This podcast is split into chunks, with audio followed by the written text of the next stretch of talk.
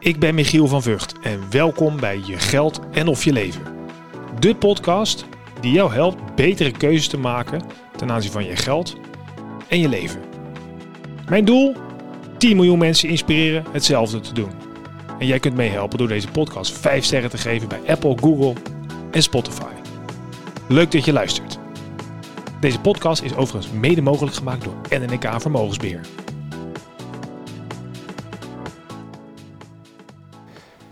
Ja, wat leuk dat je weer kijkt en misschien wel luistert naar de podcast. En vandaag heb ik een hele leuke gast. Ik kijk er al weken naar uit. Ik zit namelijk tegenover, daar gaat hij, met mijn knopje. Patrick van Hees. Hoi Michiel. Hoi, fijn dat ik hier mag zijn in Zaandam.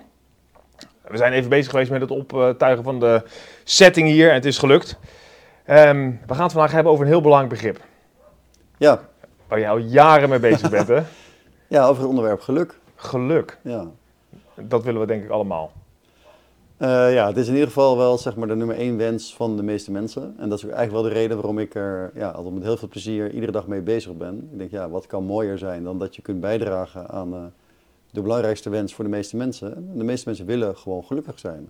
En als je ook kijkt wat zij dan doen, het is ook niet heel, vaak heel bewust, hè, maar heel vaak doen ze dingen ook onbewust, waarvan ze dan denken dat het gaat bijdragen aan geluk. En ik probeer heel goed te kijken naar de wetenschap van het geluk en wat kunnen wij daarvan leren en hoe kan je dat vertalen naar de praktijk. En wat zijn dan dingen die misschien de kans wel of niet wat vergroten om jouw geluksmogelijkheden zeg maar, eh, beter te kunnen benutten. Ja, nou ja, het lijkt mij eh, een onwijs mooie aflevering, of twee, we maken altijd twee delen. Maar even terug naar het begin, want wij kennen elkaar niet, maar jij kent wel uh, NNK waar ik werkzaam ben. Want jij hebt jarenlang in de financiële dienstverlening gezeten. Ja. En toen in 2009 dacht je, nou ik ben er wel klaar mee na de crisis, ik verkoop mijn bedrijf. Ik heb er nog een beetje doorgewerkt. En toen was mijn vraag net voordat we starten van ja, waarom ga je dan, eindig je dan in het geluksonderzoek? En toen zei jij, nee, nee, dit was misschien wel de reden juist dat ik ging verkopen. Vertel eens, hoe ging dat? Ja, ik was gaandeweg, ik kreeg steeds meer eigenlijk interesse in het onderwerp geluk. Dat begon ik ongeveer 20 jaar geleden. En ik dacht, ja, ik wilde, eigenlijk, ik wilde meer van weten en ik wilde er ook een boek over schrijven. En, ehm, en eigenlijk was dat ook wel de trigger om uiteindelijk het bedrijf uh, te verkopen. Is in 2009 gebeurd en in 2011 is uiteindelijk mijn eerste boek uh, gepubliceerd, uh, De Geluksprofessor. Ja, en sindsdien ben ik echt fulltime ja, bezig. Ik doe eigenlijk drie dingen. Dus ik schrijf boeken of ik ontwikkel concepten rondom geluk. Ten tweede, ik geef heel veel lezingen, masterclasses, workshops eh, in binnen- en buitenland. En ten derde, ja, ik adviseer organisaties hoe zij zeg maar, de inzichten uit de gelukswetenschap eigenlijk kunnen toepassen. Vaak richting hun eigen medewerkers en soms ook richting klanten. Oh ja. En, en waarom uh, was je überhaupt geïnteresseerd geraakt in het begrip geluk, zeg maar? Wat, wat uiteindelijk leidde in het, het feit dat je je bedrijf ging verkopen? Ja, ik denk ja, nogmaals, omdat, het, omdat ik gewoon merkte, uh, dat is eigenlijk het onderliggende, je zou kunnen zeggen het onderliggende of misschien juist het bovenliggende thema. Want denk maar na eigenlijk, je kunt het zo gek niet bedenken, het heeft altijd wel met geluk te maken. En jij werkt in, in, de, in de financiële dienstverlening, ja, geld en geluk is natuurlijk een heel interessant thema, maar ook gezondheid en geluk, relaties en geluk. Ja, je kunt het eigenlijk zo gek niet, niet bedenken. Dus ik dacht, ja, het, voor mij is het toch een beetje het ultieme thema. Ja. Dus dat, uh, ja, en, en ik heb er nooit spijt van gehad ook. Kun je nog herinneren dat uh, toen je dus wat meer onderzoek ging doen naar het geluk, wat, wat het eerste wat je, wat, je, wat je ontdekte was, je dacht, oh, had ik dat maar tien jaar eerder geweten? Oh, dat is een goede vraag. Um, nou, wat, wat me nu wel te binnen schiet, is wel, dat was, was een quote wat ik toen ergens las uh, over succes is iets heel anders dan geluk. Ik dacht, ja, dat is eigenlijk wel hele mooie, want ja, ik, ik, was, ik was ook best wel een workaholic, uh, zeg maar, in, in, die, in, die, tijd daarvoor nog. Uh, je bent toch bezig met, met dingen opbouwen, misschien ook wel uh, ja, toch een bepaalde status verwerven. En dat is ook allemaal maar heel betrekkelijk. Hè? En dat, maar als je er middenin zit, is het vaak wat moeilijker te zien. En dat herken ik nu veel en veel beter. Omdat ik, ik kom ook bij allerlei verschillende organisaties over de vloer. En wat je ook ziet, heel veel mensen zijn, zijn toch een soort slaaf van de toekomst. Slaven van de toekomst. Ja, dus die zijn heel erg bezig van uh, of, of dat gaat uh, zeg maar onder kwartaalcijfers die moeten worden gehaald, of, of het budget of de targets uh, voor dit jaar. Ehm, veel mensen zeggen ook, ja, het is nu even een gekkenhuis, want we hebben nu net oh ja. een nieuw product, een nieuwe organisatie, een nieuw project, herinrichting, verhuizing. Het zijn bijna altijd wel redenen om te zeggen, ja, maar binnenkort is vakantie, dan kan ik weer eventjes lekker relaxen. Uh, of daarna wordt het rustiger, weet je wel. Ja, ja, dus echt gewoon uh, bijna excuusjes zijn het. Dat zijn vaak excuses, ja. En, veel mensen hebben het zelfs niet in de gaten. En ik ken mensen, ja, die spreken al twintig jaar. En die al twintig jaar zeggen, het is nu even een gekkenhuis. En dan ga ik vaak heel hard lachen. Ja, Dus dat, dat heeft ook te maken met oplaadpunten. Ja dat, is een van de, dat is een van de, ja, ja, een van je boeken. Hij ligt daar voor me, we gaan het straks even laten zien. Is Geluk is dom. Ja, Dat is de O, hè? ja, heel goed van jou inderdaad. Ik zeg altijd, het is heel simpel. Hè? En sommige mensen weten het misschien al. Hè? Geluk is dom. En dat refereert eigenlijk D-O-M aan eigenlijk de drie bouwstenen voor een duurzaam gelukkig leven. En dat zijn dus doelen, oplaadpunten en mensen. Eh, En doelen gaat eigenlijk vooral om in hoeverre kun je nou zelf eigen sturing geven in je eigen leven. Kun je zelf achter het stuur zitten van je eigen leven. Oplaadpunten help je vooral om te ontstressen en ook weer letterlijk je batterijen op te laden. En mensen ja, heeft alles te maken met gewoon relaties en verbinding, liefde, alles. Maar met name die oplaadpunten, hè, wij verzamelen ook heel veel data. En dat zie je toch bij de meeste mensen zit daar het grootste probleem. En ik zeg vaak, voor de meeste mensen is zeg maar, het gebrek aan voldoende passende oplaadpunten, dat is eigenlijk de grootste belemmering om gelukkiger te zijn. En, en dat Wat zijn deel- oplaadpunten dan? eh, nou, oplaadpunten kan heel, heel eenvoudig zijn. Bijvoorbeeld eh, lichaamsbewegingen, wandelen, sporten. Nou, jij hebt een hockeyachtergrond, eh, weet ik toevallig. Nou, hè, dat is voor jou ongetwijfeld eh, heel lang een oplaadpunt geweest. Misschien nog steeds. Je ziet er nog steeds fit uit, da- Michiel. dank je, dank je. Dus dat, eh, maar ook, het kan ook zijn het lezen van een boek. gewoon eens een keer lekker in bad gaan als je dat hebt. Of een beautybehandeling ondergaan. ja, gewoon hier op een mooi bankje buiten kijken naar het roodborstje in de tuin. Weet je wel. Gewoon echt gewoon even tijd nemen om even te ontstressen. En ook weer even die batterij op te laden. En dat kan ook soms zijn gewoon een keer op tijd naar bed gaan. En natuurlijk, de mooiste oplaadpunten zijn ook vaak met andere mensen. Dat je zegt, ja, maar ik ga even met die oude vriendin een wijntje drinken, even bijkletsen, weet je. Ja, dan ja. heb je eigenlijk die M en die O tegelijkertijd. Dat je zegt, hey, Oh ja, precies. we hebben een mooie ontmoeting, maar het is ook, ik kom er weer helemaal, ja, eigenlijk weer vol energie weer daar vandaan. Maar wacht, voor, eh, dat zijn allemaal strategieën, die kom ik zo graag ook nog op terug. Maar even misschien terug naar een hele grote vraag. Maar wat is dat eigenlijk, geluk? Is er iets dat, wat de wetenschap zegt, of wat we met z'n allen besloten hebben, dat geluk eigenlijk is? Jij bedoelt meer het woord, zeg maar? ja, nou, wat, wat betekent het? Want we zeggen, ja, ik Ja. wil graag gelukkig zijn, maar wat is dat dan? Ja, nou, daar, daar zijn natuurlijk al eeuwenlang discussies over. Dat gaat echt wel terug eh, tot de oude, oude filosofen. Eh, maar ik zou zeggen, eigenlijk gaat het om twee dingen. Enerzijds, als je gewoon kijkt naar, jou, naar jouw leven, naar alle, alle verschillende domeinen in jouw leven. Dus bijvoorbeeld je werk, je relaties, je gezondheid, je financiën, je woonomgeving. Eh, hoe tevreden ben je daarmee? En wij meten dat op een schaal van 0 tot 10. En dat kunnen mensen over het algemeen heel goed aangeven. Kunnen gewoon eventjes afstand nemen, even denken van nou oké, en die kunnen daar getal op plakken. En het tweede element is eigenlijk meer, meer de emotionele component. Ja, hoe voel je eigenlijk op dit moment? En als je die twee tezamen neemt, eh, ja, dat is eigenlijk waar- wij vanuit gaan wat geluk is. Eh, maar ik zei al eerst, er zijn al eeuwenoude discussies van ja, is geluk nou alleen maar eh, meer de hedonistische kant, hè? meer het genieten, of zit er wat meer in zelfontplooiing en iets kunnen bijdragen Ja. aan de wereld, et cetera. Eh, maar goed, ik zal er niet op ingaan, maar ik denk heel kort samengevat dat je ook die, allebei die elementen ook nodig hebt. Ja, oké, precies, ja. Mm. Is geluk iets wat, eh, is dat, ja, wat je zegt, we hebben het er al eeuwen, is, het- gaat het erover. Eh, maar is het, is het eh, van de maatschappij waar wij in zitten, met Maslow, zelfontplooiing bovenin, is het dan een groter iets? Dus of, eh, is, of is het eigenlijk al vanaf dat je bij wijze van spreken het al terugleest in de oude geschriften van de Egyptenaren, waar ook al geluk werd nagejaagd?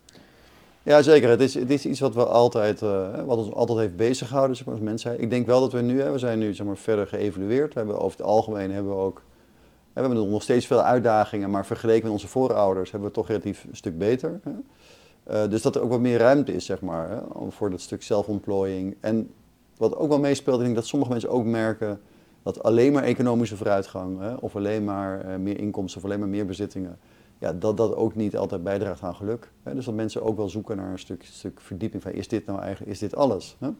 Ja, is dit, al- is dat, maar dat is een beetje het, het bijna het soort van eh dertigersdilemma van is dit nou alles? Dan heb je alles voor je gevoel, je hebt een carrière gemaakt of zo. Ja. En dan, oh, is dat ook zo, dat zo de eeuwige zoektocht die eigenlijk een beetje tegenvalt? Ja, dat zou kunnen. Hè? Dat misschien valt het mee, misschien valt het tegen. Hè? Misschien eh, ja, ben je te druk met je carrière, of ben jij ook een slaaf van de toekomst? Ja, Of kost het je te veel tijd, waardoor je te weinig tijd hebt voor je gezin? Misschien moet je ook veel reizen. En, eh, je kantoor is misschien niet zo dicht bij jouw huis. Ja. weet je wel. Nou, over het algemeen zien we ook, puur reistijd, dat is voor veel mensen het minst gelukkige deel van de dag. Ja? Dus als je wat dichter bij, bij je werk zou kunnen wonen of omgekeerd, dat, voor veel mensen kan dat echt wel een, een quick win zijn, eh, zeg maar, Ja, ja. qua geluk. Ehm, ja, en of probeer je misschien te veel dingen tegelijk te doen, hè? zeg je te weinig nee. Eh, ja, dat is leuk. En dat zijn ook leuke discussies om mensen over te hebben. Of ook om daar misschien met, met, met een coach over te hebben. Om het een beetje te spiegelen. Ja, wat is het zo? Want eh, stel nou, ik besluit vandaag, nou, ik eh, geef mijn, eh, op een schaal van 1 tot 10, ik noem maar wat, geef mezelf een 7. Dus ik wil een stapje maken naar de 8, ik noem Ja. maar even iets simpels. Is het dan, want je noemt zelf bot een coach, is het dan makkelijker om die stappen te zetten met iemand die je daarin begeleidt, die kritisch is, die je verantwoordelijk houdt voor je uitspraken? Of, of is het eigenlijk, al- maakt het allemaal niet uit? Nou, ik denk de eerste stap is, je moet natuurlijk wel intrinsiek gemotiveerd zijn. Je moet het wel echt willen. Dus dat, eh, maar zeker goede hulp. Voor, soms hebben mensen ook meer psychologische hulp nodig. Hè? Want het kan ook zijn dat er bijvoorbeeld dingen uit jouw verleden zijn die jou op een of andere manier nog steeds parten spelen, waar je nog last van hebt. Of die jou steeds weer ehm, ja, stimuleren om misschien eh, je overmatig te willen bewijzen en dat soort zaken. Eh, dus soms kan psychologische hulp echt nog wel helpen. Soms kun je nog een trauma hebben van 20, 30 jaar geleden, wat, wat nog steeds jou in de weg zit zeg maar, voor jouw geluk nu. Maar ik geloof zeker ook een coach, maar dat kan ook soms een goede leidinggevende zijn, of, of een collega of iemand die jou goed kent. Maar een coach is natuurlijk wel opgeleid om jou daar echt, echt in te helpen en ook de goede vragen te stellen, goed te spiegelen. Ja, dat de kans dan wel groter is, en dat zie je ook wel, hè, als je gewoon kijkt, eh, ja, dat je dan ook echt wel significant gelukkiger kunt worden. Maar ik wil wel benadrukken, dat is ook niet voor iedereen even makkelijk. Hè? Nee, precies, want is het, is het, eh, is het maakbaar? Geluk. Ik bedoel, kunnen we Ja. allemaal gelukkig zijn? Nou, ik denk we kunnen niet allemaal gelukkig zijn, want helaas, er gebeuren altijd, iedere dag gebeuren er in de, in de wereld dingen. Hè? Oorlogen, ongelukken, ziektes. En dan kan in één keer geluk natuurlijk helemaal, eh, ja, van een 9 in één keer eh, zakken naar een 2, hè? Eh, Ja. spreken in een minuut. Hè, dan kan je een telefoontje krijgen en dan kan je wereld er heel anders uitzien.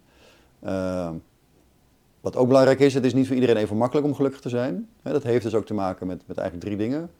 Dus je verleden, wat, wat heb je allemaal meegemaakt en hoeveel last heb je daar nu nog van?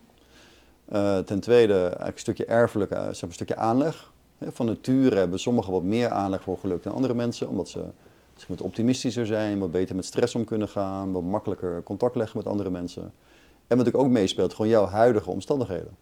En dat heeft niet alleen met geld te maken, hoewel geld ook zeker wel een factor is. Maar ook, ja, heb je nu relatieproblemen, heb je gezondheidsproblemen, eh, misschien ben je mantelzorger, is er iemand in je omgeving heel erg ziek, et cetera. Dus per definitie is het niet voor iedereen even makkelijk om gelukkig te zijn. Maar het goede nieuws is dat er zijn heel veel knoppen waarin je zelf wel kan draaien. En uiteindelijk, als je ook het geluk vergelijkt tussen mensen in Nederland, dan zie je ook dat daar zit wel zeg maar, de grootste winst. Dus uiteindelijk, ja, wij noemen dat geluksvoorspellers. Eh, we hebben eigenlijk 28 gedefinieerd. Er zijn 28 knoppen waarin jij zelf tot op zekere hoogte kan draaien. Eh, en één daarvan is heel simpel, lichaamsbeweging. Eh, ja, en die kunnen jou wel helpen om jouw kans op geluk te doen toenemen. Eh, Oké, ik- ik- nou schiet me even iets te binnen, want we hebt het hier over, dus je kan je eigen geluk wel eh, verbeteren. Ehm, of, of je geluksgevoel. maar zit daar ook inflatie op? Dus is het zo moment dat je denkt, nou ik geef mezelf nu een 9 en je houdt alles vast, Mhm. hebt dat dan weer weg naar een 8, een 7? Eh, nee, nee, er zijn wel sommige mensen die dat, die dat wel denken. Die zeggen, ja, je hebt een soort, of je hebt een soort natuurlijk niveau of zo, weet je. Je kan hem even verhogen, maar dan ga je weer naar, naar zeg maar, je oude evenwicht. Maar dat is toch wel ook echt wel achterhaald, eh, die gedachte. Je ziet echt wel, mensen kunnen echt, die heel lang op een 6 zitten, toch wel significant op een gegeven moment op een, op een 8 terechtkomen. Eh, dus het hoeft niet, wat wel zo is, wat, wat we noemen hedonistische adaptatie. Hè? En vooral mensen die het zoeken in materi- materialistische zaken. Die zeggen, ja, maar ik wil juist eh, ik wil die allernieuwste Tesla, weet je wel, die nog groter is en nog sneller. En ik wil toch een nog groter huis, eh, daar ergens eh, in de bossen of een extra vakantiehuis of nou, bedenk het maar. Dat is natuurlijk vaak, maar dat is even tijdelijk genot vooral. Dat is genot. Dat is, dat, dat, Ja. dat is misschien iets anders dan geluk. Ja, kijk, genot heb je ook wel nodig om gelukkig te zijn. Hè? Want kunnen genieten, dat is ook een van die 28 eh, geluksvoorspellers. Eh, maar er is een mooi gezegde, moet ik even denken hoe die gaat. Volgens mij, genot is het geluk van de dwazen. Maar geluk is het genot van de wijze. Oeh, wacht even. Die Ja. laten we even indalen, denk ik. Ja. Dus uh, Ja. wat ben je nou aan het waas of Ja. niet? Ja. Dus als je alleen maar, hè, maar nogmaals, en dat is, het is natuurlijk vaak heel genuanceerd. En dat is ook het lastige met geluk. Je kan nooit zeggen, het is één dingetje, doe maar dit en dan word je gelukkig.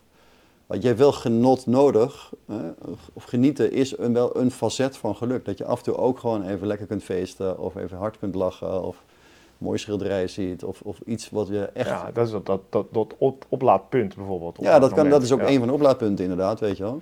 Maar als je je hele geluk alleen maar wilt ophangen aan genotten, en dat zie je dat sommige mensen doen, hè, dat, dat, dan krijg je natuurlijk ook kans op excessen. Mensen die heel veel drinken of, of heel veel Ja, ja, ja. eh, drugs en zo gebruiken, weet je wel. Dan heb je ook steeds meer nodig. Ja, en dat is dus zeg maar, dan wordt het een soort glijdende schaal. Ja, ja, dan krijg je eigenlijk wel eh, inflatie. Dus je steeds meer nodig hebt om maar hetzelfde te Ja, kunnen precies. kopen. ja. En daarom is ook wel variety is the spice of life. Het is ook wel goed om af en toe afwisseling eh, te hebben. En ook om niet al, al je eieren in één mandje te leggen.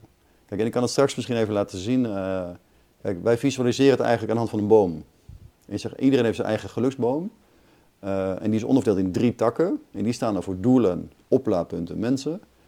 En aan die takken zitten dus in totaal die 28 blaadjes. En wat je eigenlijk zou willen, is dat je zoveel mogelijk blaadjes tot bloei laat brengen. Dus dat je en lichaamsbeweging doet en dat je ook probeert wel te genieten.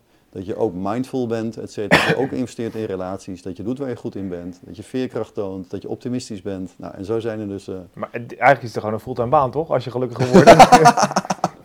voor mij is het fulltime baan. Ja.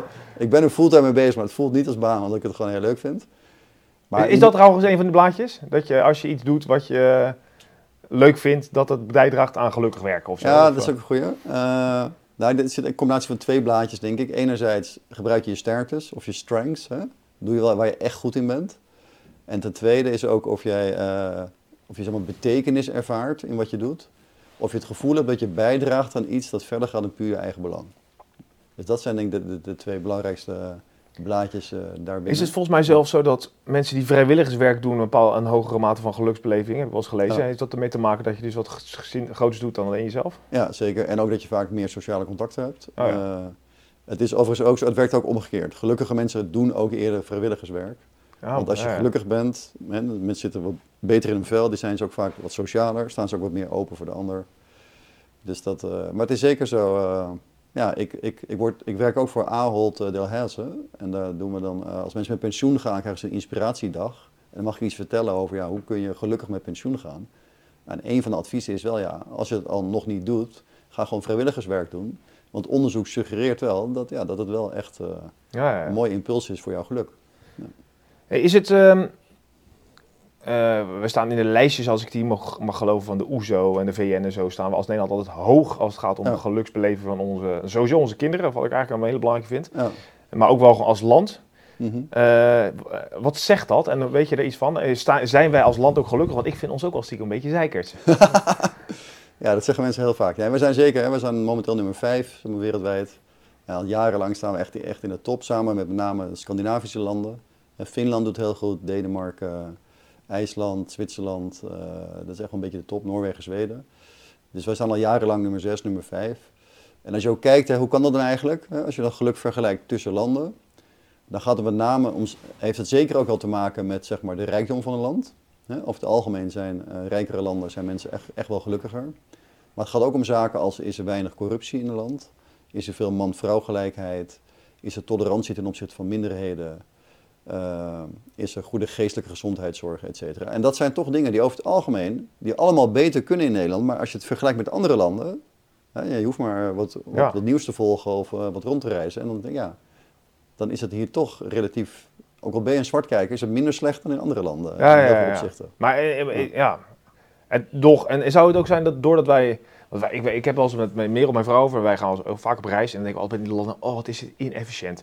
Ze zijn overal, ze hebben waarom staan hier nou zes mensen? Kan dat niet beter? En anderen Ja. overal zeiken of iets beter zien. Ja. Dus zou het kunnen zijn dat doordat je eh, zo denkt, misschien dus wat efficiëntie zoekt of zo, en dat dat misschien ook lukt, dat dat ook weer een bepaalde manier van voldoening geeft en gelukkig, eh, dat we daarmee gelukkiger worden? Want het zou zijn als het land wel een beetje met zeiken en efficiënt zoeken.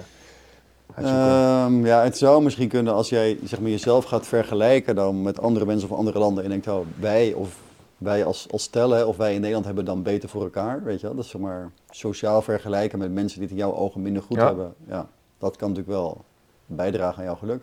Maar zeg maar even dat zeiken of dat zeuren, dat, vragen mensen vaak aan mij. Hè? van, Ja, maar in Nederland zeuren ja, altijd. toch? Ja. Ja, ik denk dat het wel meevalt. Oh. Ga maar eens in Frankrijk wonen. Dat, dat zit het echt in de volksaard, hè? Dat, dat pessimisme en, en dat, dat eh, negativisme. Eh, maar ik denk wat je ook moet realiseren, in Nederland mag je klagen en zeuren over alles.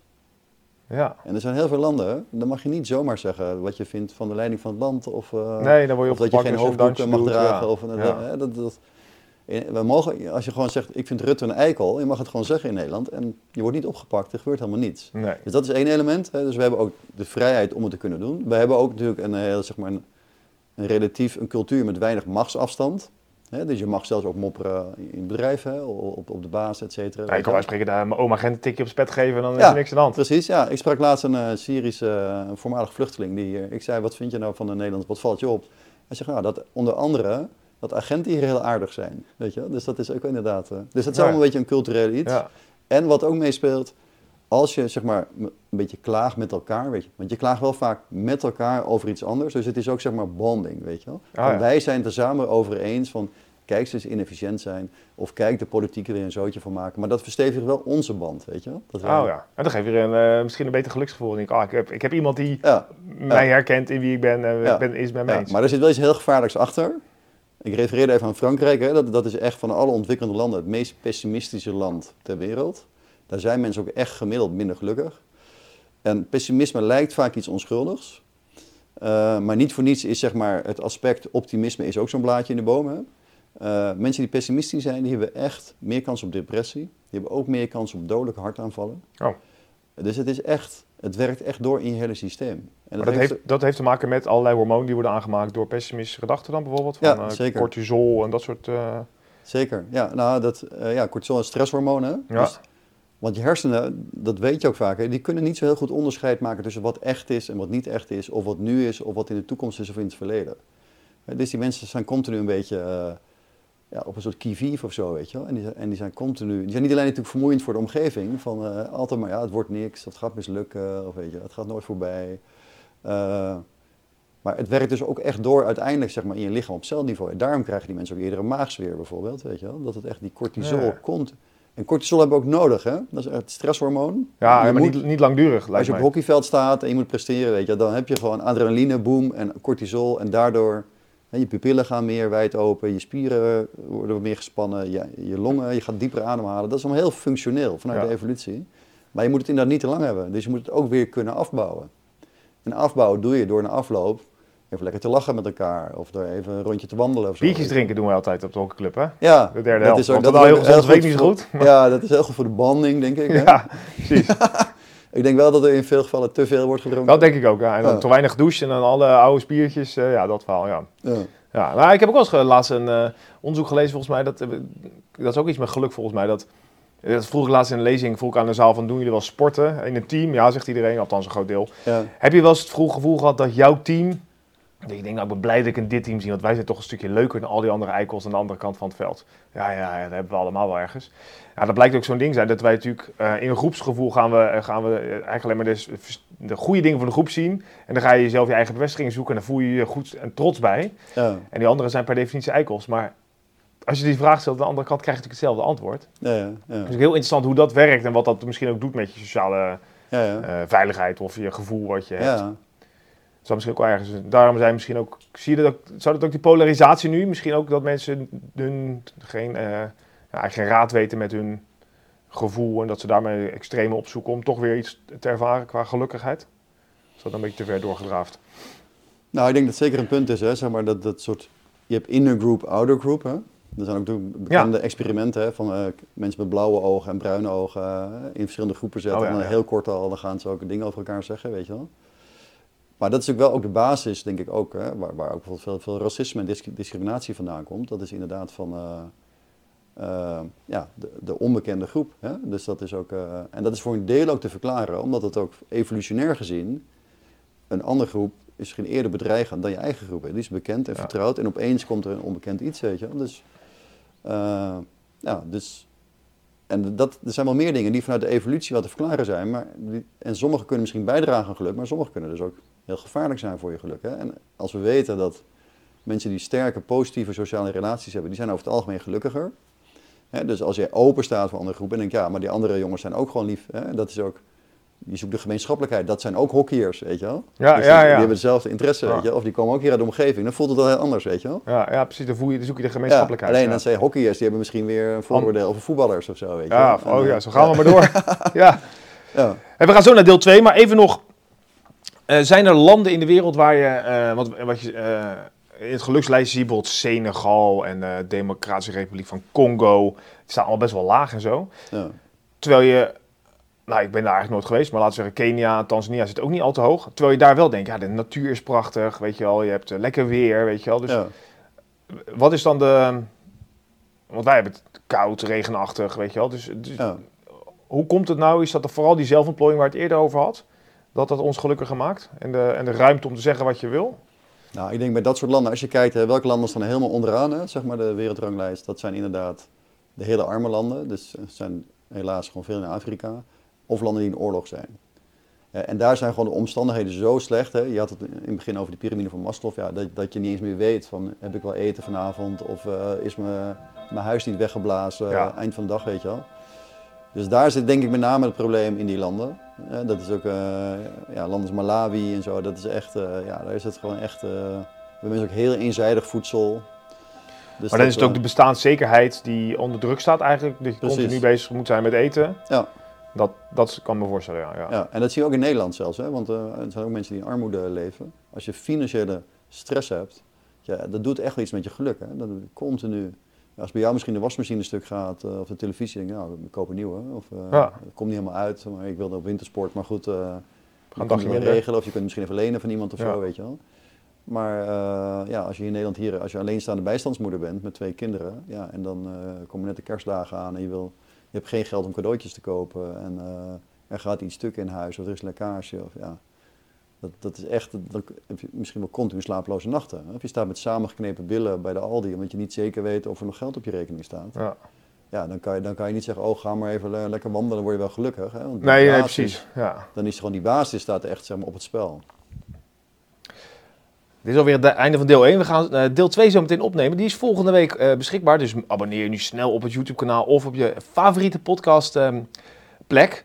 Dan gaan we het in deel 2 hebben van ja, welke stappen, welke 28 blaadjes zijn er ongeveer. Dan gaan ze niet allemaal bespreken, want daar moet je de boeken voor lezen. Eh, maar we gaan er wel een aantal er even uitlichten. En te kijken wat kun je nou doen om je geluksgevoel in ieder geval te verhogen. En ik ga zo misschien wel eens beginnen met de vraag, maakt geld gelukkig? Nou, misschien wel een beetje als je het niet hebt, maar maakt het ook gelukkig als je er veel van hebt. Nogmaals, bedankt voor het kijken. Deel deze podcast.